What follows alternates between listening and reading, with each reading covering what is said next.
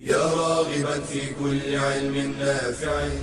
ينمو العلم ويتقدم بتقنياته ومجالاته ومعه نطور أدواتنا في تقديم العلم الشرعي. أكاديمية زاد. زاد أكاديمية ينبوعها. صاف صاف ليروي غلة الظمآن. هذه عقيدتنا الصحيحة فطرة تنفي الشكوك بواضح البرهان. بشرى لنا زاد أكاديمية للعلم كالأزهار في البستان. السلام عليكم ورحمة الله وبركاته. إن الحمد لله نحمده ونستعينه ونستغفره ونعوذ بالله من شرور أنفسنا ومن سيئات أعمالنا من يهدي الله فلا مضل له ومن يضلل فلا هادي له. وأشهد أن لا إله إلا الله وحده لا شريك له وأشهد أن محمدا عبده ورسوله.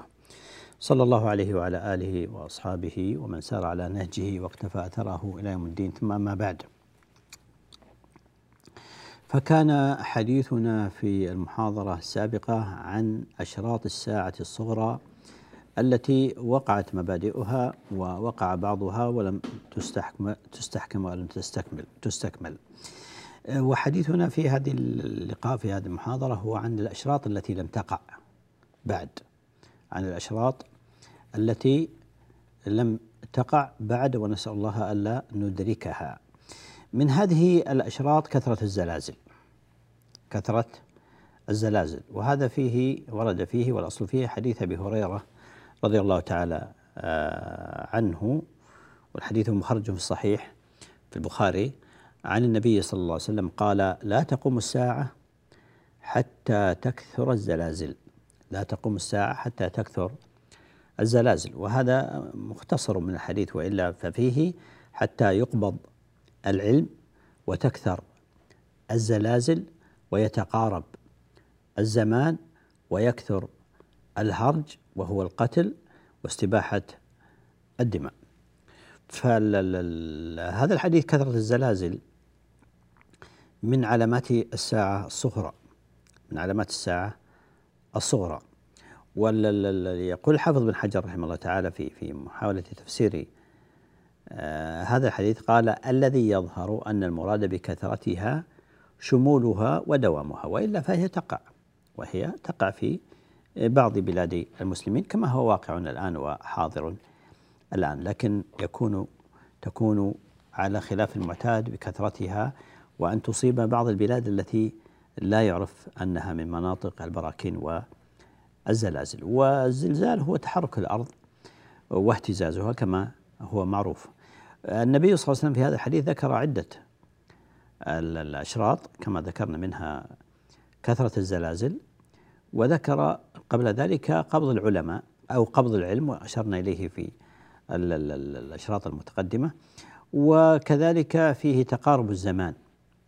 وتقارب الزمان إما يكون بقلة بركته وإما أن يكون كما ورد في الحديث الآخر وهذا الأظهر والله أعلم وهو كما جاء قال تكون السنة كالشهر والشهر كالجمعة والجمعة كاليوم واليوم كالساعة. وهذه صورة من صور تقارب الزمان التي تكون بين يدي الساعة. أما كثرة الهرج وهو القتل فهذا مما وقع ومستمر في واقع المسلمين للأسف.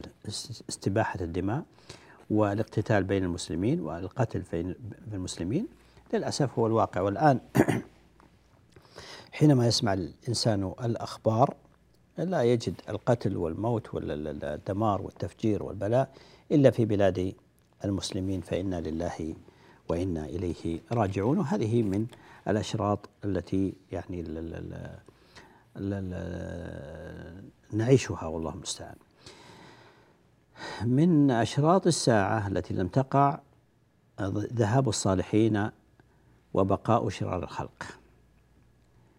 ذهاب الصالحين نعم قد يمر على الأمة المسلمة يقل فيها الصالحون لكن لا ينقطع الخير عن هذه الأمة. لكن في آخر الزمان ومن أشراط الساعة الصغرى ذهاب الصالحين وبقاء شرار الناس. وهذا ما ثبت في حديث النبي صلى الله عليه وسلم من حديث عبد الله بن عمرو رضي الله تعالى عنهما قال قال رسول الله صلى الله عليه وسلم لا تقوم الساعة حتى يأخذ الله شريطته من أهل الأرض حتى يأخذ الله شريطته من أهل الأرض وهم أهل الدين والخير.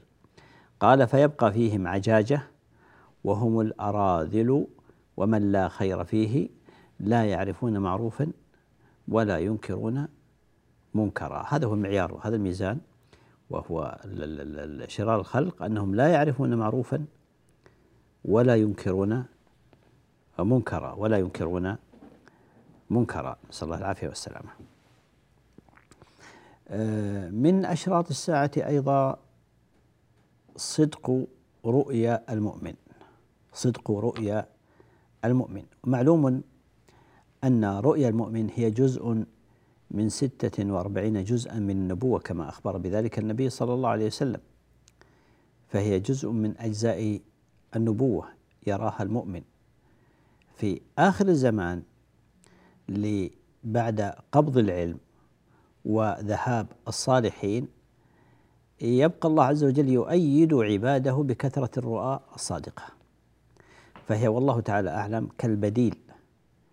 لما يقبض العلم ويذهب الصالحون فيلهم الله بعض عباده المؤمنين ببشارات عن طريق الرؤى الصالحة. فلذلك كان من أشراط الساعة صدق رؤيا المؤمن. وفي هذا يقول النبي صلى الله عليه وسلم والحديث متفق عليه يقول عليه الصلاة والسلام من حديث أبي هريرة إذا اقترب إذا اقترب الزمان يعني في نهايته إذا اقترب الزمان لم تكد رؤيا المسلم تكذب. لم تكد رؤيا المسلم تكذب. واصدقهم وأصدقكم رؤيا اصدق أصدقكم حديثا. يعني الإنسان الذي اعتاد الكذب فإنه لا تصدق رؤياه. لكن الصادق في حديثه فإنه غالبا تصدق رؤياه. هذا الحديث جاء بشيء من التفصيل. هذا لفظ الصحيحين. جاء بشيء من التفصيل عند الترمذي وفيه قال والرؤيا ثلاث الرؤيا ثلاث. الحسنة بشرى من الله عز وجل. يعني الرؤيا الحسنة فهذه بشرى من الله عز وجل. والرؤيا يحدث الرجل بها نفسه وهي حديث النفس. وهذه يعني لا يلحق بها يعني إنما هي حديث نفس. والرؤيا تحزين من الشيطان. الثالثة تحزين من الشيطان. ثم أرشدنا النبي صلى الله عليه وسلم إلى ما هو العمل. حينما نرى ما هو من الشيطان وتحزينه. فقال صلى الله عليه وسلم فإذا رأى أحدكم رؤيا يكرهها فلا يحدث بها أحدا وليقم فليصلي. لا يحدث بها أحد وليقم فليصلي. وهذا الحديث فيه إشارة إلى أنه ليس كل ما يراه الإنسان في منامه يكون صحيحا. فقد يكون من تحزين الشيطان وقد يكون من حديث النفس قد يكون من حديث النفس. إنما الصحيح منها ما كان من الله سبحانه وتعالى وهي الرؤيا الحسنة وهي الرؤيا آه، الحسنة. هذا بالنسبة لصدق رؤيا المؤمن في آخر الزمان أنها لا تكاد آه، تكذب. فإذا رأى شيئا يعني تحقق وهذا كما ذكرنا والله تعالى أعلم أنما إنما هو من باب التعويض لقلة العلم وقبضه وذهاب الصالحين فإن الله عز وجل يؤيد أولياءه من بقي من أوليائه بالرؤى الصالحة. فاصل ثم نعود لاستكمال الحديث. فإلى أن نلتقي. بشرى لنا زاد أكاديمية للعلم كالأزهار في البستان.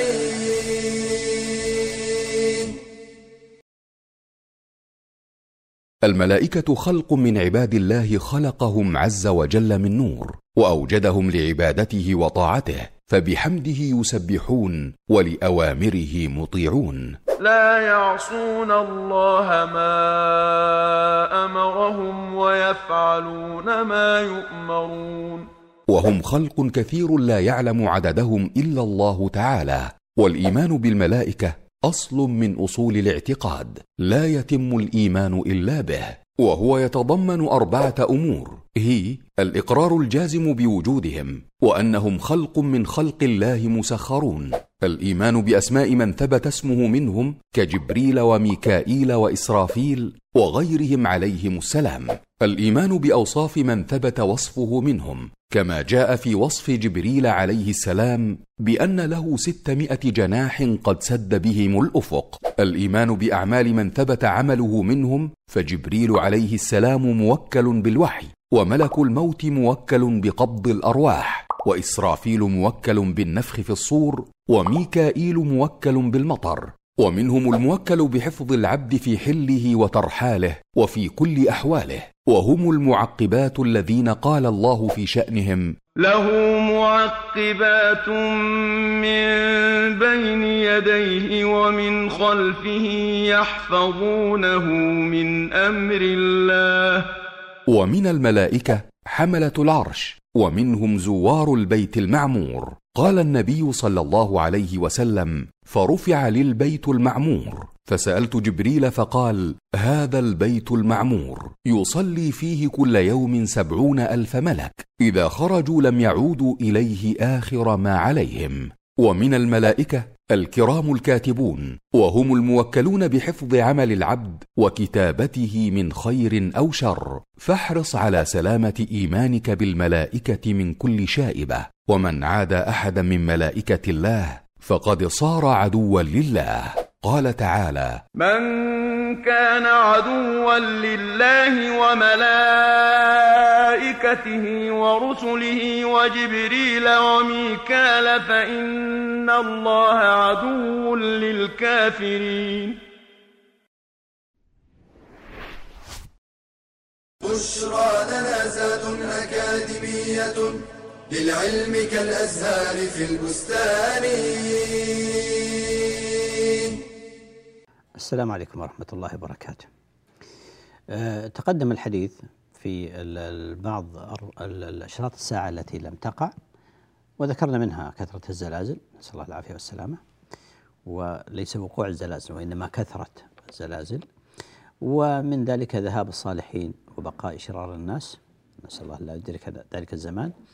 ومن ذلك صدق رؤيا المؤمن في آخر الزمان فإن رؤيا المسلم لا تكاد تكذب. من هذه الأشراط التي لم تقع بعد هو انحسار الفرات عن جبل من ذهب. ينحسر أي ينكشف عن كنز من الذهب عن جبل من ذهب. والأصل في هذا ما ورد في حديث أبي هريرة رضي الله تعالى عنه والحديث في البخاري. قال صلى الله عليه وسلم يوشك الفرات أن يحسر عن كنز من ذهب. وفي رواية عن جبل من ذهب. قال فمن حضره فلا يأخذ منه شيئا. فلا يأخذ منه شيئا. وجاء عند مسلم صحيح مسلم. قال فيقتل عليه الناس. إذا ظهر الذهب نسأل الله العافية أطماع الناس وحبهم للدنيا. فيقتل عليه الناس فيقتل من كل مئة تسعة وتسعون. نسأل الله العافية والسلامة. كلهم يريد أن يحظى بهذا الكنز الذي انحسر عنه النهر. قال ويقول كل رجل منهم لعلي أكون أنا الذي أنجو. لعل لعلي أكون أنا الذي أنجو يعني فيكون من نصيبي هذا الكنز. هذا الحديث الحقيقة فيه يعني تحذير النبي صلى الله عليه وسلم أمته من كل فتنة يمكن أن تقع. وهذا الحديث نموذج من هذه الفتن واقتتال الناس على الدنيا في آخر الزمان. وهذا أحد أشراط الساعة وهو القتل والهرج الذي جاء الحديث عنه في ما تقدم من الحديث. النبي صلى الله عليه وسلم في هذا الحديث أوصى ووجه إلى أنه من أدرك هذا الشرط فالواجب عليه أن لا يأخذ من هذا المال أن لا يأخذ من هذا الذهب. قال فلا يأخذ منه شيء. وحديث النبي صلى الله عليه وسلم هنا مشعر بأن الأخذ منه ممكن. بأن الأخذ منه ممكن وإلا ما قال فلا يأخذ منه شيئا. وأيضا في الحديث ما يشعر بالحكمة من عدم الأخذ من هذا الكنز الذي ينحسر عنه عنه الفرات فبين النبي صلى الله عليه وسلم كما في رواية مسلم لما ينشأ عن ذلك من الفتنة والإقتتال. لما ينشأ عن ذلك من الفتنة والاقتتال ولا شك أن الدنيا الدنيا هي من أكبر الفتن. نسأل الله العافية وافتتان الناس بماله والدنيا والاقتتال عليها. هذا من أكبر أسباب الفتن والاقتتال بين المسلمين وهذا أمر شاهد وظاهر ومعروف. ولذلك أرشد النبي صلى الله عليه وسلم في هذا الحديث إلى هذا الجانب وهو التعامل. ما هو التعامل الصحيح عندما يدرك الإنسان وهذا الشرط الذي هو واقع لا محالة فلا يأخذ منه شيئا. لماذا؟ لما يترتب عليه من اقتتال واستباحة للدماء ووقوع القتل. نسأل الله العافية والسلامة. وهذا يعني مؤذن بالحذر من الدنيا والافتتان بها وأن أكثر مشاكل المسلمين واقتتال المسلمين إنما هي على الدنيا. وفي هذا يقول القائل فإن تجتنبها كنت سلما لأهلها وإن تجتذبها حاربتك كلابها. فطبيعة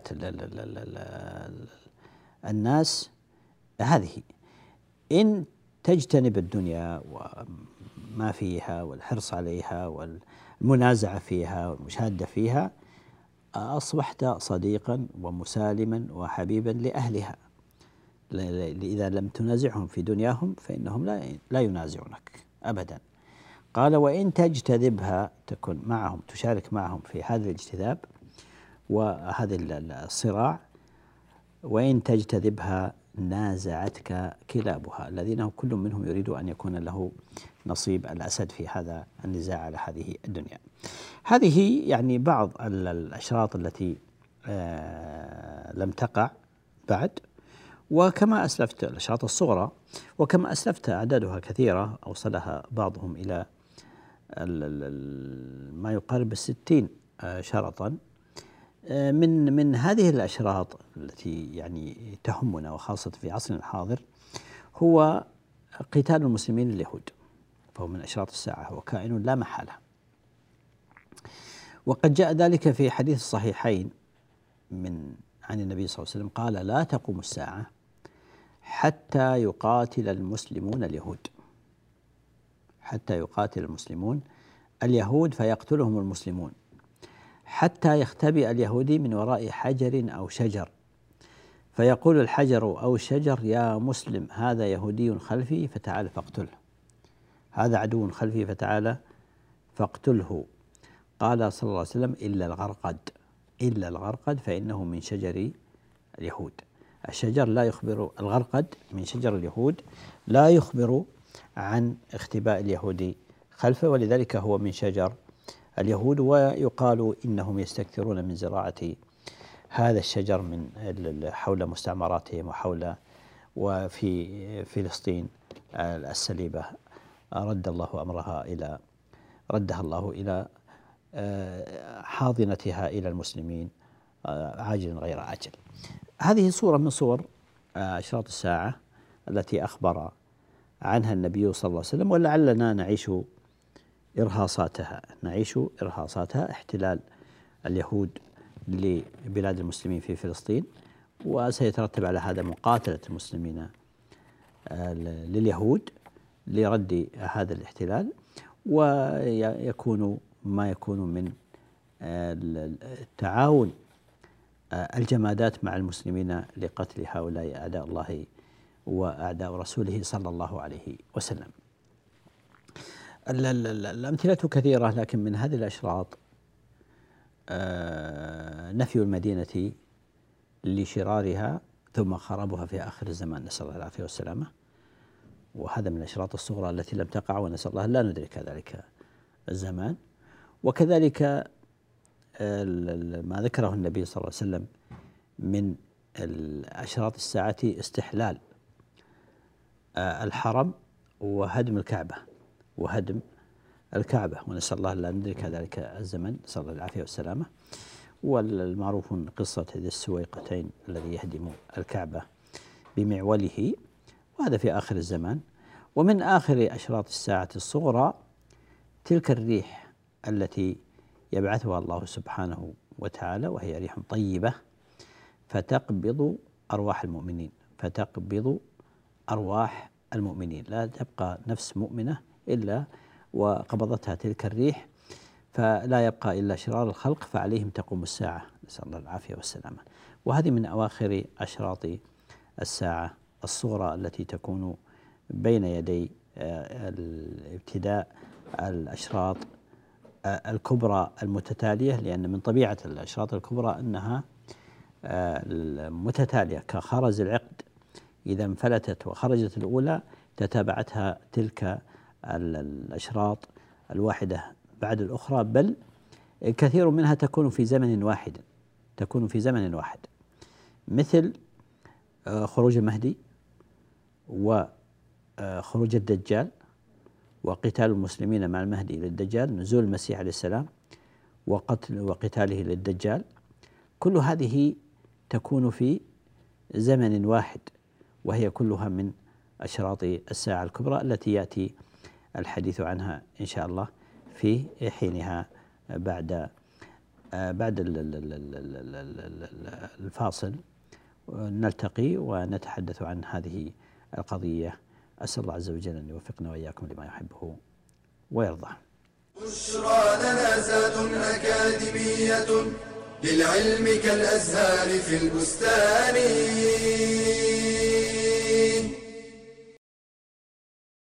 من رضي بالله ربا حقت عليه طاعته وعبادته. قال تعالى رب السماوات والأرض وما بينهما فاعبده واصطبر لعبادته. والصبر على أداء الطاعات أكمل من الصبر على اجتناب المحرمات. وطاعة الله تحتاج إلى أنواع من الصبر كالصبر على الإخلاص فيها ومدافعة دواعي الرياء والغرور والصبر على الاتباع فيها وتكميلها. والصبر على ترك التقصير فيها والابتداع والمداومة عليها وعدم الانقطاع. قال تعالى وأمر أهلك بالصلاة واصطبر عليها. لا نسألك رزقا نحن نرزقك والعاقبة للتقوى.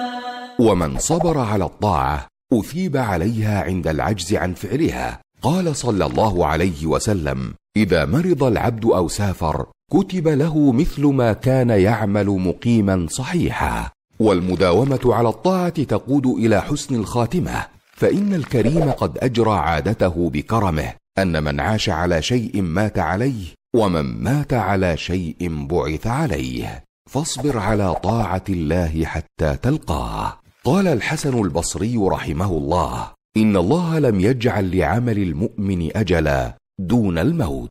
ثم قرأ واعبد ربك حتى يأتيك اليقين.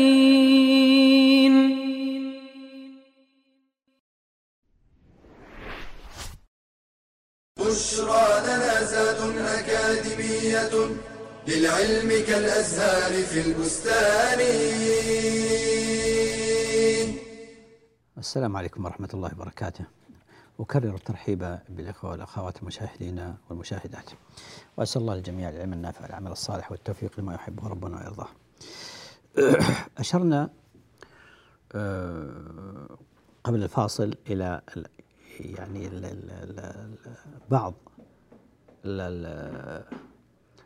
أشراط الساعة الصغرى على حسب التقسيمات الثلاثة التي ذكرناها منها ما وقع ومنها ما ما لم يقع وبدأت بوادره ومنها ما لم يقع أصلا وذكرناها في الأخير.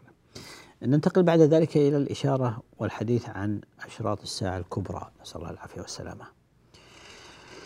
وهي المؤذنة ببدء أو دنو وقرب قيام الساعة.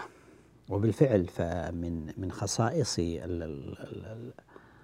أشراط الساعة الكبرى أنها متتالية ويتبع بعضها بعضا وقد تكون في زمن واحد كما ذكرنا كمثال على ذلك من المهدي ونزول المسيح والدجال وجوج وماجوج كلهم في عصر واحد. لكن لعل من المناسب أن نشير بين يدي الحديث عن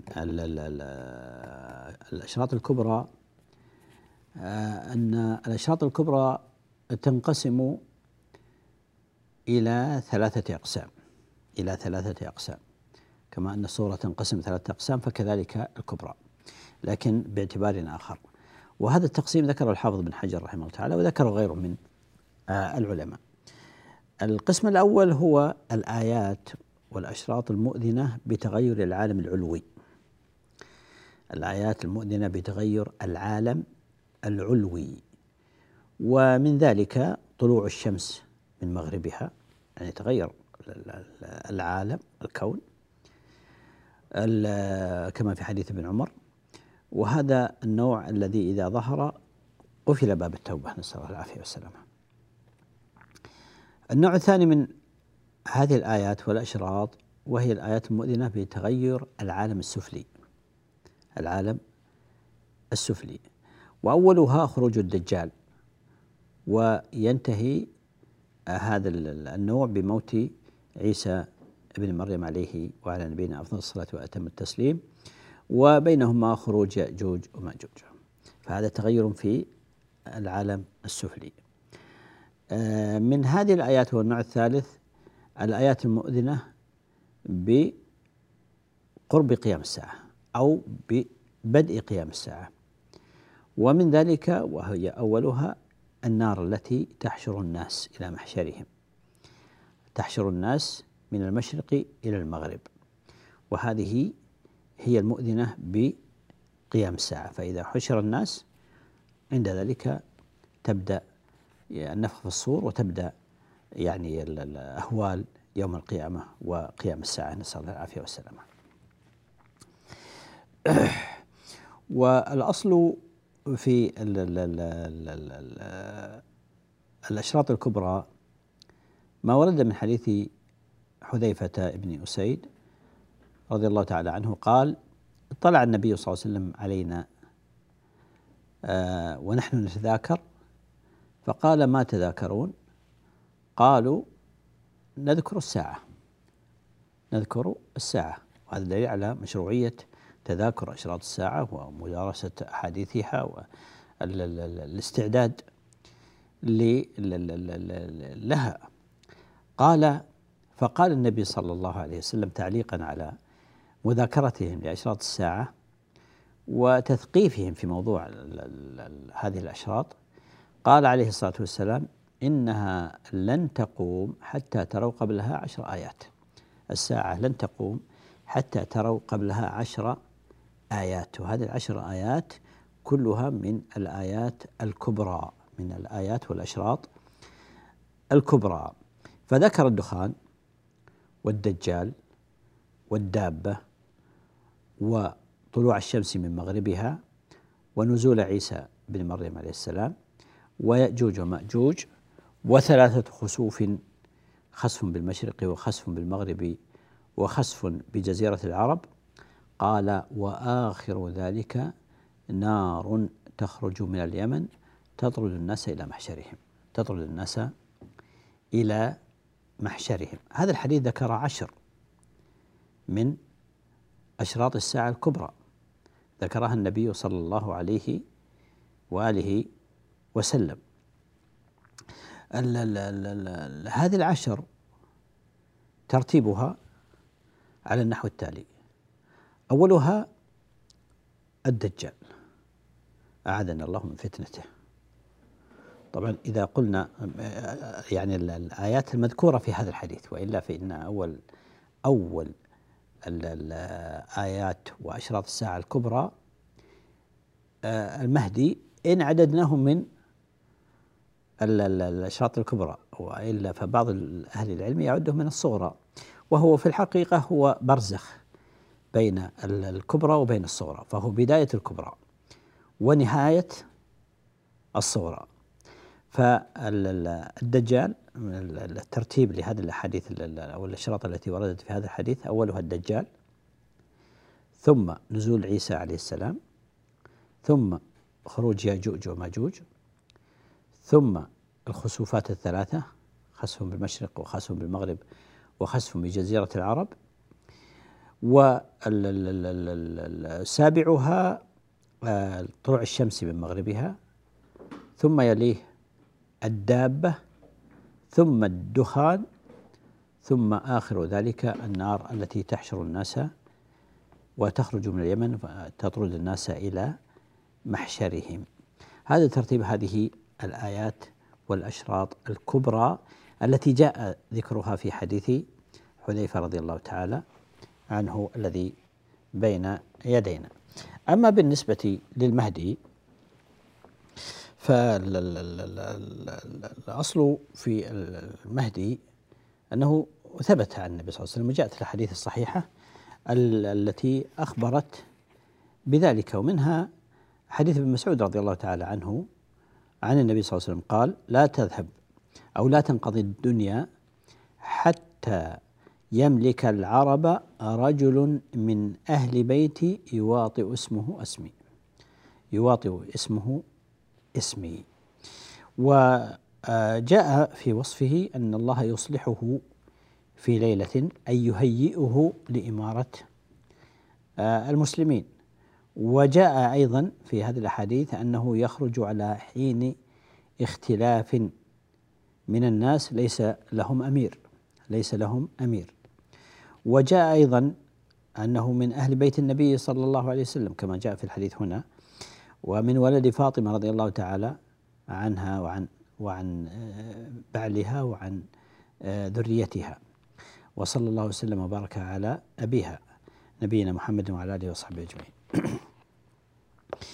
جاء أيضا في وصفه أن اسمه يطابق اسم النبي صلى الله عليه وسلم فاسمه محمد بن عبد الله.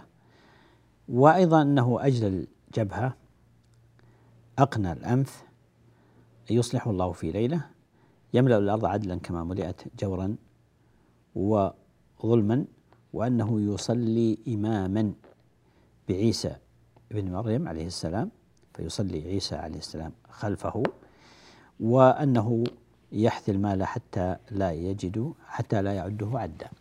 هذه بعض صفات المهدي الواردة. يقول ابن حجر الهيتمي رحمه الله طبعا يخرج أو يذهب إلى مكة ويبايع عند الكعبة. يقول ابن حجر الهيتمي رحمه الله تعالى يقول الذي يتعين اعتقاده ما دلت عليه الأحاديث الصحيحة من وجود المهدي المنتظر الذي يخرج الدجال وعيسى في زمانه ويصلي عيسى عليه السلام خلفه. لكن تنازع العلماء كما قلنا هل هو من الآيات والأشراط الكبرى أو من الصغرى أو من الصغرى؟ فإذا قلنا إنه من الكبرى لأنه الذي يجتمع عليه الناس لقتال الدجال وينزل آه، عيسى عليه السلام ويصلي خلفه فلذلك عده من عده من الآيات الكبرى. والذي يظهر أنه ليس من الكبرى ولكنه كما قلنا بين يدي الكبرى وهو في برزخ بين آخر الصغرى وأوائل الكبرى والعلم عند الله عز وجل. وهذا التصنيف كونه من الكبرى أو الصغرى لا قيمة له. لكن المهم أن ادعاء المهدية ادعاها كثير من الناس ادعتها الرافضة وادعاها غيرهم من الأدعياء ونحن نؤمن بما ثبت عن النبي صلى الله عليه وسلم من ذلك. لم يخرج بعد. الصورة الحقيقية هي ما سيكون في آخر الزمان. عند خروجه تكون فيه هذه الصفات يكون له هذا الأثر وهو ملء الأرض عدلا أنه من مناقبه أنه يقاتل الدجال وأن عيسى بن مريم عليه السلام يصلي خلفه كما سيأتي في النصوص الواردة في هذا الموضوع. بهذا نختم هذا هذا اللقاء. على أمل أن نلتقي بكم إن شاء الله لاستكمال الحديث. فإلى أن نلتقي أستودعكم الله الذي لا تضيع ودائعه. والسلام عليكم ورحمة الله وبركاته. يا راغبا في كل علم نافع. ينمو العلم ويتقدم بتقنياته ومجالاته ومعه نطور أدواتنا في تقديم العلم الشرعي أكاديمية زاد. زاد أكاديمية ينبوعها صاف صاف ليروي غلة الظمآن. هذه عقيدتنا الصحيحة فطرة. تنفي الشكوك بواضح البرهان. بشرى لنا زاد أكاديمية للعلم كالأزهار في البستان.